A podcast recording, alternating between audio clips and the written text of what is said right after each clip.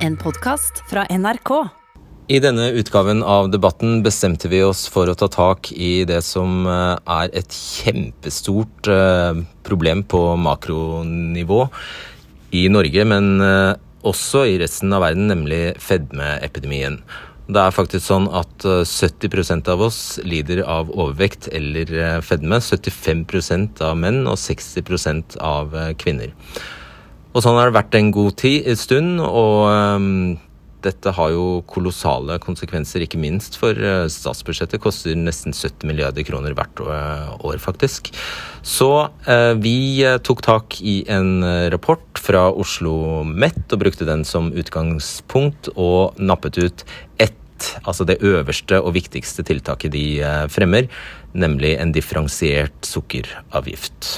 Og så tilfredsstilte vi, prøvde vi også å tilfredsstille de som er veldig opptatt av at denne det de oppfatter som en ensidig oppmerksomhet rundt, og fokus på BMI, altså eh, eller KMI på norsk, kroppsmasseindeks, at det skaper eh, dårlig selvbilde og dårlige kroppsidealer. Så vi har eh, sendingen er omtrent delt i to på de to temaene. Du hører Liv Elin Thorheim ved Oslo OsloMet, Mina Gerhardsen i eh, Nasjonalforeningen for folkehelsen, Samira Lekal ved Sykehuset i Vestfold, Tom Kristen Nilsen, stortingsrepresentant fra Høyre, Petter Brubakk eh, i NHO Mat og Drikke, Steinar Krokstad ved NTNU, Martine Halvorsen, blogger, og Tine Sundfør, klinisk ernæringsfysiolog. Det er FN som sier vi har en global fedmeepidemi. Og tallene bekrefter at den har truffet oss med full kraft. 75% av norske menn er overvektige eller feite. 60% av kvinnene. Vekta til ungdommene øker også. Én av fire har overvekt eller fedme. Og som folk er vi tjukkest i Norden.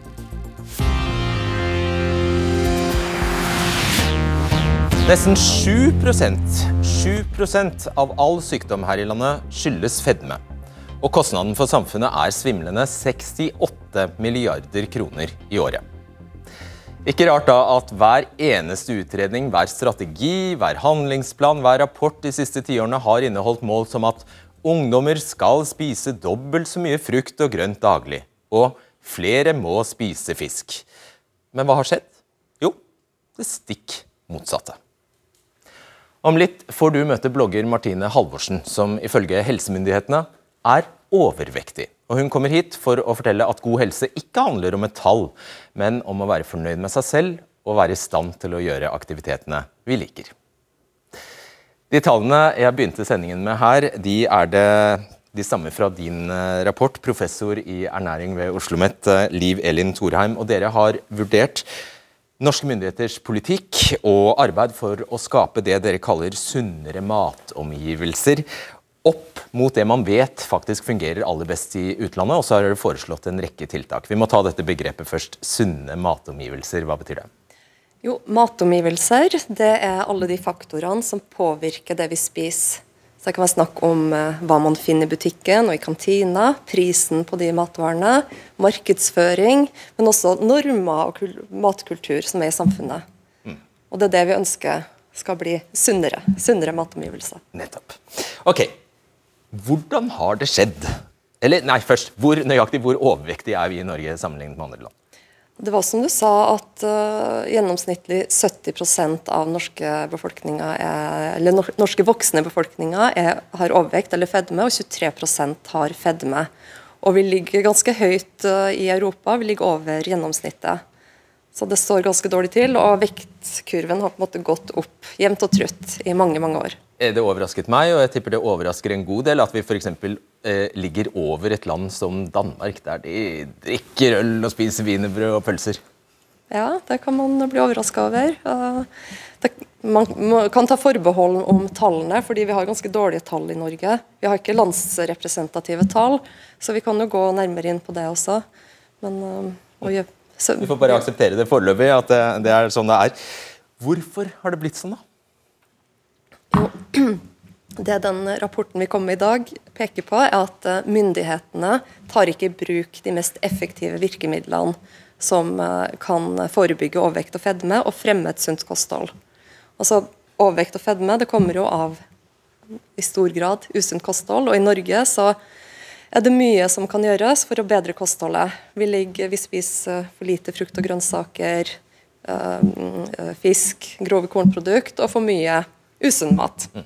Så Vi skal avslutte denne samtalen med å, at du får trekke fram det øverste eller fremste tiltaket dere foreslår. Men før vi kommer, eh, kommer dit, hvordan kan det ha seg Det sies jo veldig ofte, og dette er nær, nær sagt et omkved, at, uh, at, det er en nær sammenheng med, mellom inntekt, f.eks. økonomi, og dårlige matvaner. Altså, dess, dess, fattigere du er, dess dårligere spiser du. Men hvordan kan det da ha seg at verdens rikeste land er så usunt? Det tror jeg har mye å gjøre med at vi ikke har tatt i bruk de mest effektive virkemidlene. Altså det er, det er mange ting vi kunne ha gjort. Mange land har gratis skolemat, f.eks. Det har vi sett. Kunne, og det vi anbefaler som topp det. ja. topptiltak, det er jo å i større grad bruke prisvirkemidler. Det er det man tar i bruk i land der man ser at man har en utfordring med overvekt og fedme, som man ikke får bukt med. Og da helt konkret en differensiert sukkeravgift. Ja. To ord om den. Ja, eh, det har vært testa ut i mange land, og nå sist veldig vellykka i England.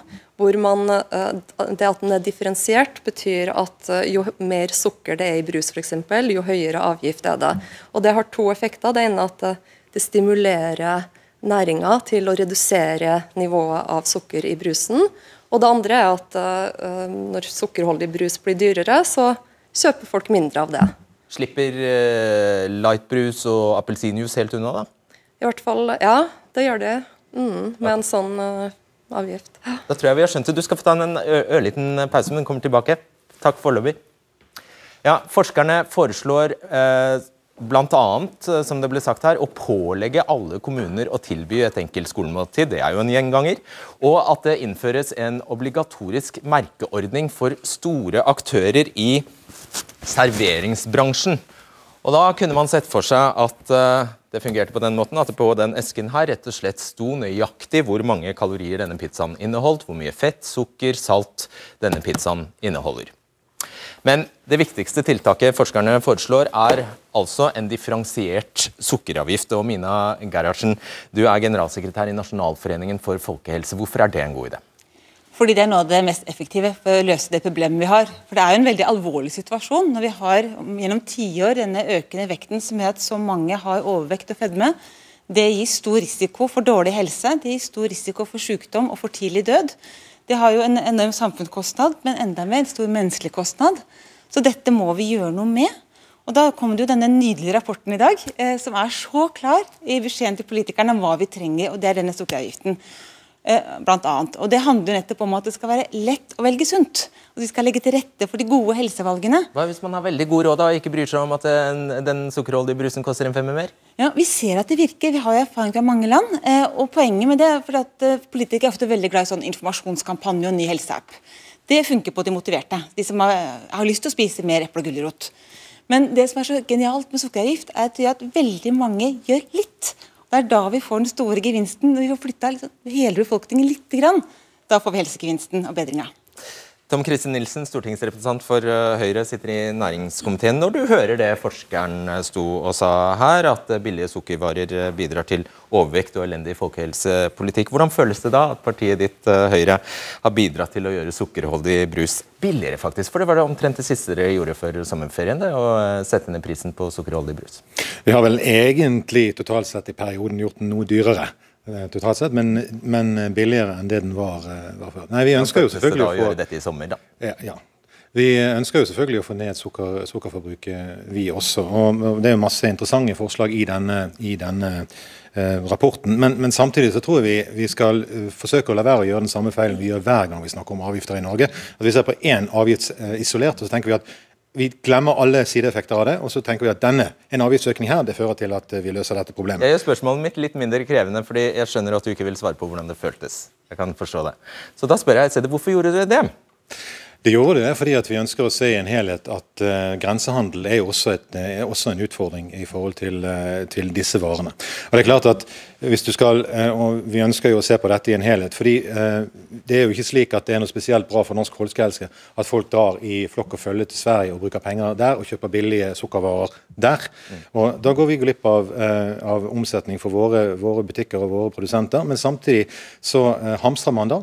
Og Da ligger, da ligger, det, da ligger det en, eh, en, eh, en, stor pose med smågodt i skapet og roper på deg eh, når du kommer hjem igjen. Og Det vet vi hva det fører til. Vår, vi har jo en programkomité som nå jobber med, med disse sakene. og de har, de har, faktisk også fremmet et forslag om differensiert sukkeravgift. Fordi, fordi vi, vi, er, vi, er, der at vi, vi, ser at hvis du har et, hvis du har et produkt som f.eks. Pepsi, altså det å gjøre Pepsi Max noe billigere enn Pepsi, det, det, tror vi også vil være, en god idé. Okay, har, bare, ja, men, bare, nå, bare, se, jeg må henge med her. Dere, dere har altså Regjeringspartiet eh, Høyre har altså økt sukkeravgiften med over 80 over natta på noen varer. For så å nå å mene at det dere gjorde, var veldig uhensiktsmessig for folkehelsen, regner jeg med. Og vil gjøre om på det. Hvordan kan en sånn snuoperasjon foregå i løpet av det er to, to år? To og et halvt år? Altså, Man må jo ta til seg den kunnskap man får. og Vi har jo sett at det var sterke negative effekter av den økningen i sukkeravgift. og Vi, vi tenker at det er mer fornuftig, å, eh, og det er programkomiteen i hvert fall Har, har sukker blitt mer usunt i løpet av de vi har fått ny kunnskap, men sukker har vært uh, usunt hele tiden. Og vi har lykkes med sukkerpolitikken i Norge på den måten at siden 2000 så er det omtrent halvert sukkerforbruket i, i, Norge. Og Det er basert på den politikken og det samarbeidet vi har hatt med, med, næringen om dette. Og Det kan du godt smile av, men husk at et halvert sukkerforbruk er faktisk ganske viktig i forbindelse med, med folkehelse. Jeg burde egentlig gråte, siden eh, tallene er så dystre som vi innleder. Dystre, Vi har det laveste sukkerforbruket i, eh, i Norden. Men 70% av oss er overvektige. Det er riktig. Eh, Samira Lekal, seksjonsoverlege ved Senter for sykelig overvekt ved sykehuset i Vestfold. Nå stemmer det? Ja, det er riktig. Ja, du har forsket på hva som skjer eh, når sukkerfrie alternativer blir billigere. billigere. Hva skjer da? Ja, det er riktig. Jeg vet faktisk hva som skjer i norske butikker hvis vi reduserer prisen på brus uh, uten sukker. Uh, forskere i Greenwich har vært så privilegerte. Jeg har vært uh, i Greenwich. Det er en selvstendig virksomhet som også jobber med forskning, som er involvert i. Vi har vært så heldige å få tilgang på volum, altså salgsdata for volumsalget av brus. Og da ser vi helt entydig at når Norgesgruppens kjede går inn og plasserer brus Eh, uten sukker mer optimalt, så faller volumsalg av brus med sukker 7 Kiwi-kjeden de forsøkte i tillegg å redusere brus med 10% Da falt volumsalg av brus med sukker med enda 6% Dette er ganske sammenfallende med hva vi finner i andre studier, men vi har faktisk veldig gode tall på hva effekten er i Norge. Et fall på 6% Jeg syns det er mye, fordi jeg, vet at det, Ja, syns du det? Ja, jeg, jeg, vel, jeg syns det er ganske store volumsalg, fordi at vi vet at det å endre forbruksvaner, det må skje over tid. Det jeg er opptatt av da, i denne debatten, er at differensiert sukkeravgift kan nok være riktig for noen varegrupper, som f.eks. store drivere som eh, brus og saft med sukker. For andre varegrupper vet vi ikke like tydelig eh, effekten av det. Men jeg er opptatt av at det vi, det vi kjenner effekten av, det er vi nødt til å handle på. Um, Halvannen bitte litt. Så jeg skal bare introdusere sistemann her. Petter Brubakk, administrerende direktør i NHO Mat og Drikke. Ingen var så imot denne økningen i sukkeravgiften som uh, dere. Dere malte unnskyld uttrykket, nær sagt fanden på veggen, siktet til grensehandel og alt som verre var. Ifølge denne rapporten så blir vi altså, vi er altså tykkere enn både svensker og, og, dansker. Men de har jo billigere søtsaker enn uh, Norge. Hvordan uh, ja, Det skal du forklare, og så skal du få svare på det som ble sagt her. Kanskje vi skulle starte med å slutte å kalle det sukkeravgifter, når det er avgifter på både sukkerholdige og sukkerfrie produkter. Dette er avgifter vi har snart hatt i 100 år i Norge. og De kom for å skaffe penger til en slunken norsk statskasse på 20-tallet. Og så har de levd videre. Dette er avgifter på drikkevarer, uansett om det er sukker eller kunstig støttet. Det er eh, avgifter på uh, sukkerfrie pastiller og sukkerholdig sjokolade. Og når vi protesterte, er det for det første 80% avgiftsøkning på fem ukers varsel. Det er knapt seriøst. Uh, begrunnelsen sprikte i alle retninger, og det vi har sett, er at grensehandelen har fått seg en kraftig vekst i de årene som har gått. Og Nå har vi jo de siste halvåret fått en helt unik innsikt. Nå vet vi hva grensehandel betyr, fordi grensen er stengt. Og eh, vi ser at salget flytter seg tilbake til Norge. Motbevis, eh, altså, eh, Benekter du det Lekal sier? Nei, jeg benekter ikke det, fordi at vi har jo blant annet, Norge er det land i, eh, ja, av de vi kjenner som har den høyeste andelen sukkerfri brus i som sammensetning av forbruket vårt. Nesten 60% Ingen andre land er i nærheten. Det er oppnådd av produsentene og handelen fordi man har jobbet systematisk med å få sukkerfrie varianter inn i markedet og plassert dem på en sånn måte at kundene ville hatt det. Og viktigst av alt, forbrukerne vil ha den sukkerfrie. Og det er okay, riktig, jeg, men, men, mitt poeng handler om at det har vi trodd veldig lenge, og nå har vi faktisk tall fra norsk dagligvare som bekrefter den tanken. Og det, det tenker jeg, det å oppfordre næringspartnere eh, til i større grad å samarbeide med eksterne faglige miljøer, sånn at vi slutter å tro så mye om hva som virker, men faktisk få det bekreftet, det er viktig i denne diskusjonen. Gerharsen. Ja, veldig viktig poeng fra NHO om at avgiftene våre ikke er optimale. Eh, for det kan vi godt være enige om. Vi trenger smartere avgifter som nettopp gjør at det som er sunt, f.eks. det uten sukker, er billigere enn det som er med sukker. Og Her har jo fagfolk etterlyst nettopp at vi får jobba frem de smarte avgiftene, så vi får den helseeffekten og gevinsten vi kan få av sukkeravgift. Så pekes det på grensehandel som begrunnelse. Ja, grensehandel er en utfordring. Det er flere ting man kan gjøre der. Man kan kutte kvotene. Men vi kan ikke ta Blir man gjenvalgt da, hvis man kutter kvotene, f.eks. setter et, et strengt tak på hvor mye smågodt du kan ha? med? Folk er veldig ansvarlige. Blir man valgt da, vi, vi som tall, politiker? Vi har tall som viser at sju av ti støtter at man lager smarte helseavgifter. Så folk er med på klok helsepolitikk. Som grensehandel, vi kan ikke sette den debatten foran hensyn til helsa vår. Det er for store konsekvenser. Nilsen først. Men altså, Som politiker så er jeg også nødt til å tenke at vi må passe på å stikke pekefingeren så langt opp i ansiktet til folk at de snur seg 180 grader og går rundt og gjør akkurat det motsatte av det vi vil. Så jeg tror vi er nødt til å se på dette i sammenheng og i, i balanse. Men jeg syns forslaget om differensierte avgifter er interessant, og det er derfor programkomiteen også har, har eh, fremmet det. og Hvis det kan lykkes, så, så syns jeg, så synes jeg det, det, er verdt å forsøke det. så Jeg kommer til å støtte det når programbehandlingen vår kommer til slutt. Men samtidig så må jeg spørre en ting tilbake. Fordi det er sånn at det er land som har gjennomført det. Både Finland, eh, Danmark, eh, Storbritannia har den typen avgifter. Men det er ingen av de landene som har lavere sukkerforbruk enn det vi har. Og det, forklare, det, det, det, sier, det, sier, meg at her er flere ting. Og Det samme er også tilfellet når det gjelder eh, vi, vi, spiser flere kalorier enn våre naboland, selv målt bare i kaloritall. Så jeg ser fram til gode råd fra fagfolkene også på hvordan vi kan, kan håndtere det og få det til. Ja, det, du, uh, for det første må jeg honnøre deg, da, Nilsen. Altså, norske politikere burde stått i kø for å komme og snakke med Fredrik i dag. For det er sjelden vi snakker om noe som er så viktig som mm. dette.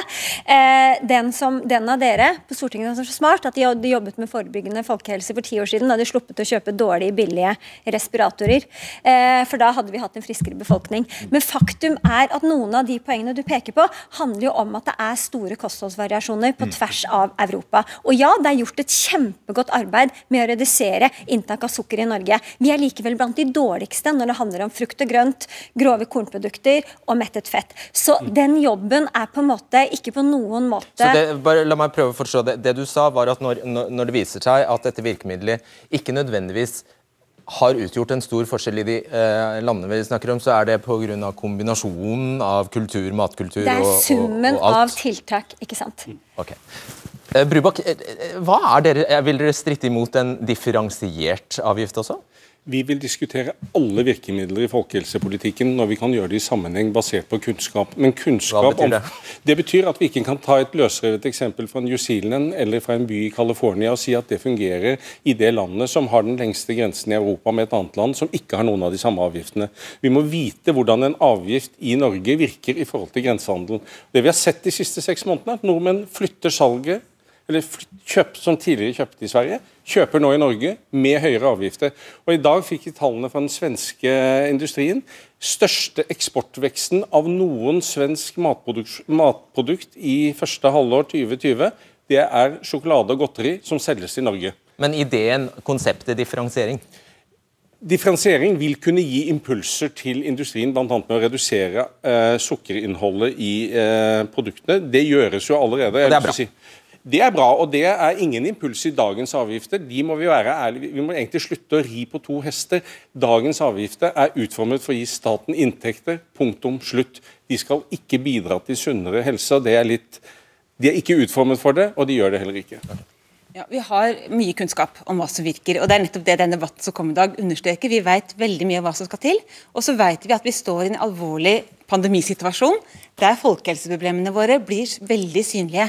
Fordi at den sårbarheten med ekstra risiko den følger de akkurat de sykdommene som følges av levevaner.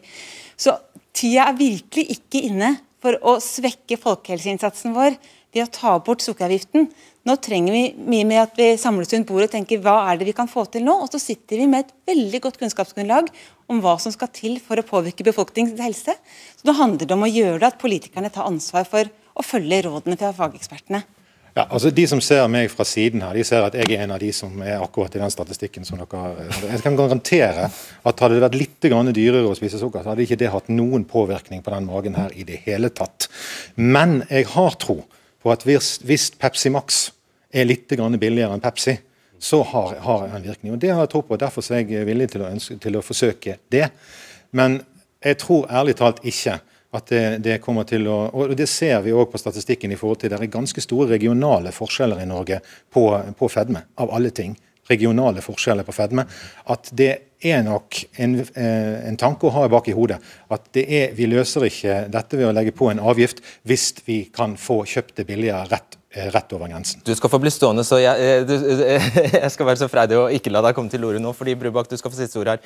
Sett da at uh, denne helhetlige uh, uh, vurderingen som du etter, etterlyser, viser at, at lekkasjen til Sverige ikke vokser som følge av en differensiert avgift. Vil dere da prinsipielt være for det? Vi vil være for tiltak som hjelper for å gjøre folkehelsen bedre, men jeg tror ikke at det å klemme inn ballongen et sted sånn tyter ut et annet sted er særlig smart. Og jeg er i hvert fall helt sikker på at vi ikke har kunnskap nok i dag til å si hvordan grensehandelen slår ut på vårt eget Så det er nivået på avgiftene du bare ikke vil ha opp? Er det så enkelt? Når du kan kjøpe brus i Sverige for samme pris som avgiftene er i Norge, ja så, det, ja, men så er det faktisk slik at da kjøper du det selvfølgelig i Sverige når bare avgiftsnivået i Norge er høyere. Over to ja. millioner nordmenn har reist til Sverige. Svaret er at vi ser på alle ting. Vi har det bredeste folkehelsesamarbeid mellom myndighetene og næringslivet i noe kjent land. Salt, sukker, mettet fett 70 og av oss er, 70% av oss er overvektige. så minn om det. Ja. 70% av oss er overvektige. derfor vi ja, står her. Kanskje det er da et paradoks at vi fortsetter å lete etter de gamle løsningene når vi Ja, men Nå sto du nettopp og skrøt av samarbeidet. Ja. det var derfor jeg sa det. Ja. faktisk fortsetter å vokse. Kanskje det å avgiftsbelegge sukker da ikke er den løsningen vi trenger fremover. Ok, Takk. Takk skal dere ha. Du blir sånn.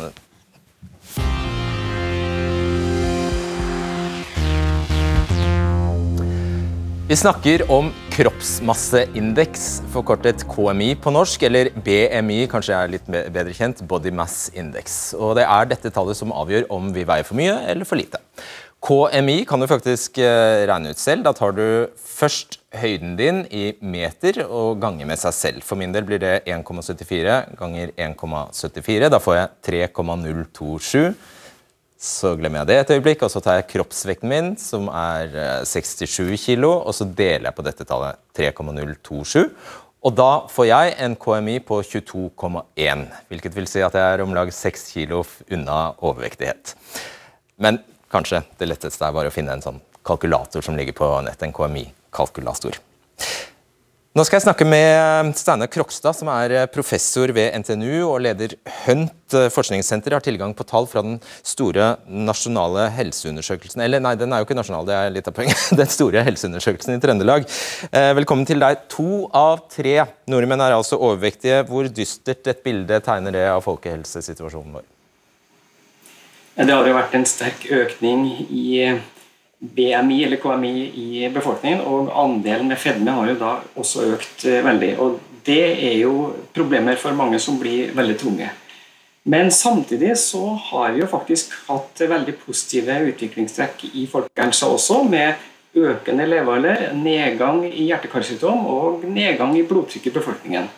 Så bildet er litt sammensatt. Ja, men eh, altså, hvis, eh, hvis vi sammenlagt har relativt god folkehelse, samtidig som de aller fleste av oss er eh, overvektige. Eh, er det noe galt med skalaen, da? eller?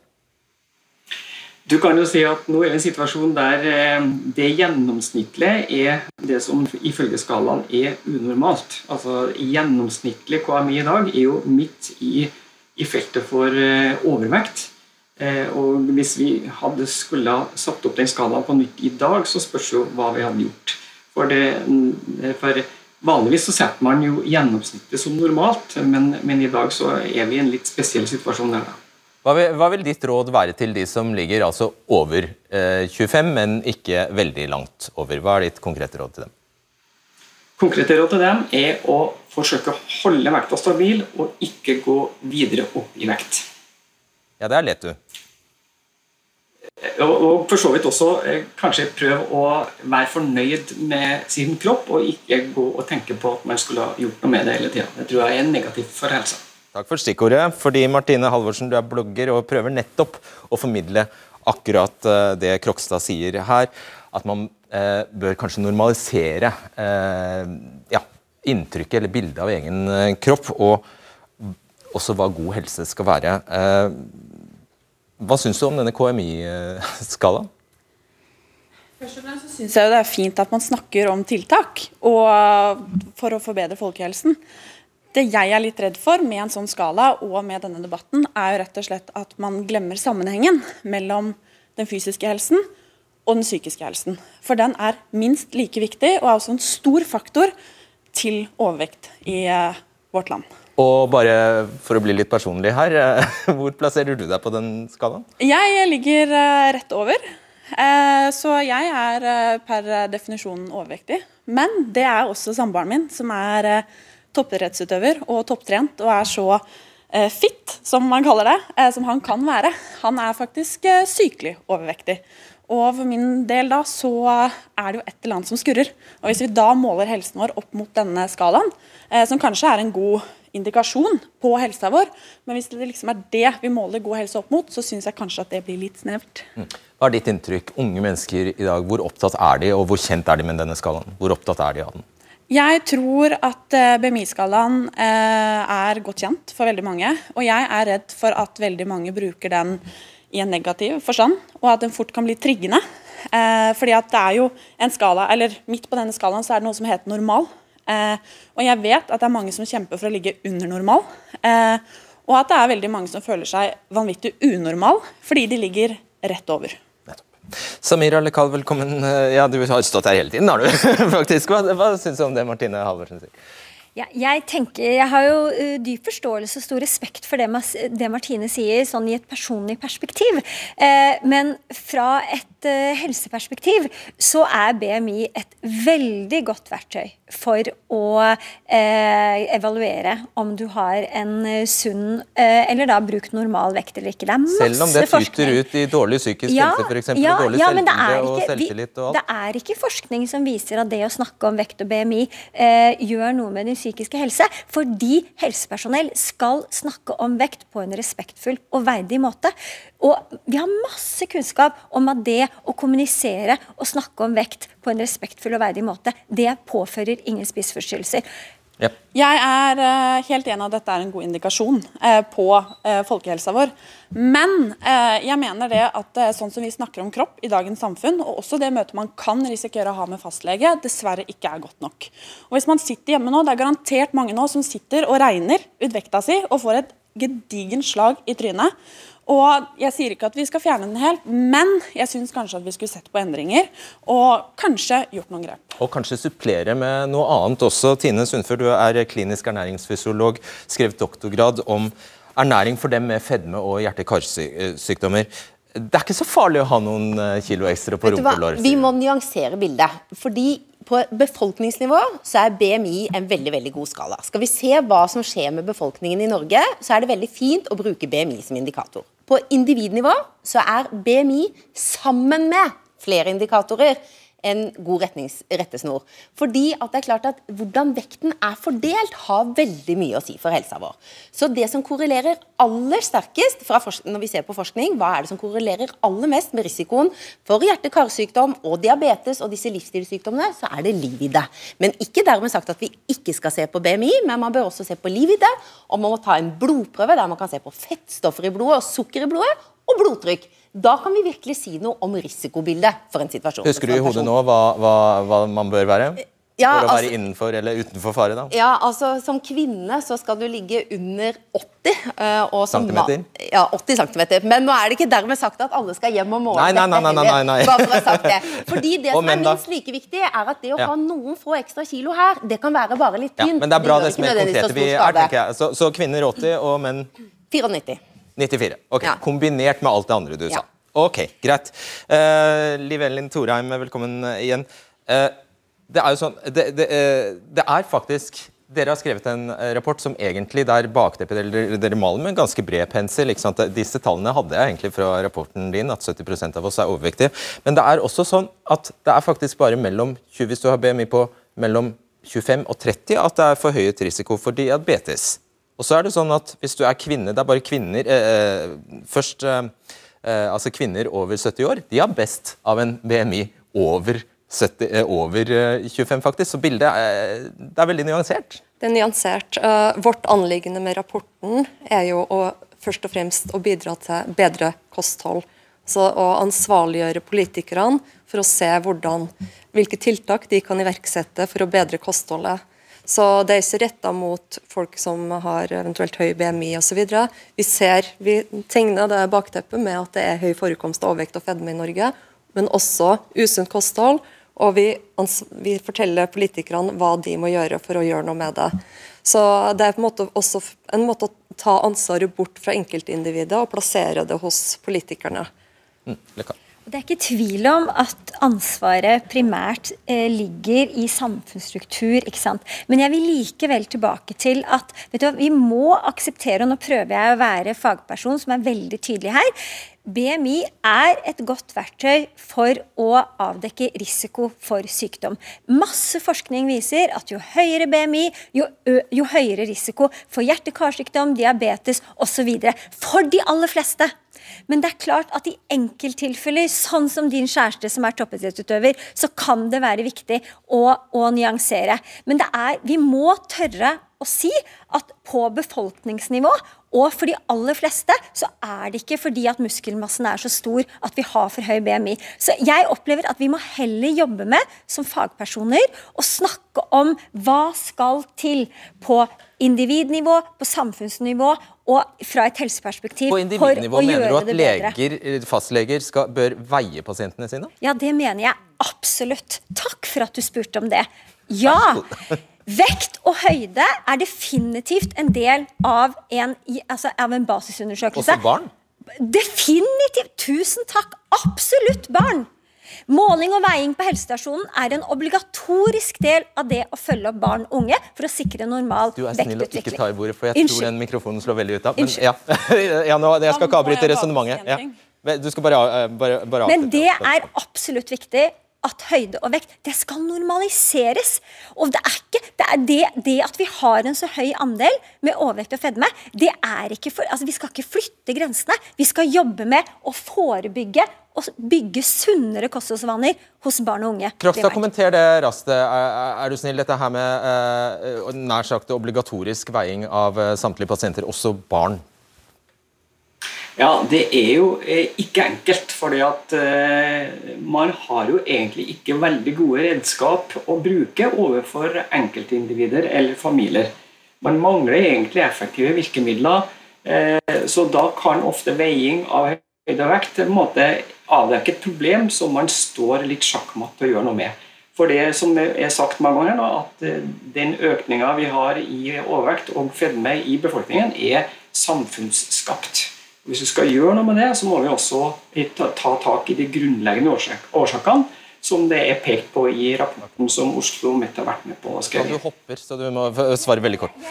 Albert Einstein han sa at gal definisjonen på galskap er å fortsette å gjøre det samme og forvente et annet resultat. Vi er faktisk nødt til å ta inn over oss at høyde- og vektmålinger i helsestasjonen, hos fastlege, det å snakke respektfullt og vennlig som helsepersonell, samtidig som vi setter inn samfunnsstrukturelle tiltak, det er veien å gå. Halvor. Og det er det som er viktig for meg. Akkurat det du sier der, At vi faktisk snakker om dette på en naturlig og normal eh, måte. Og når vi faktisk møter en lege som kanskje sier hei, kanskje det har lurt oi, sorry, og slanker seg litt, at man faktisk blir møtt med respekt og forståelse noen som ønsker å hjelpe deg. For veldig ofte så blir man bare møtt med at du bare trener litt og spiser litt sunnere. Og det er jeg redd ikke vi kommer noen vei med. Det er én ting til som vi må si i denne debatten. og det er at Hvis du nå har vært hos legen eller selv har funnet ut at du har en for høy BMI, si du har BMI på 35, så er det ikke slik at det individet er nødt til å komme til en normal BMI for å få bedre helse. Vi vet at 5-10 vektreduksjon gir formidabel helsegevinst.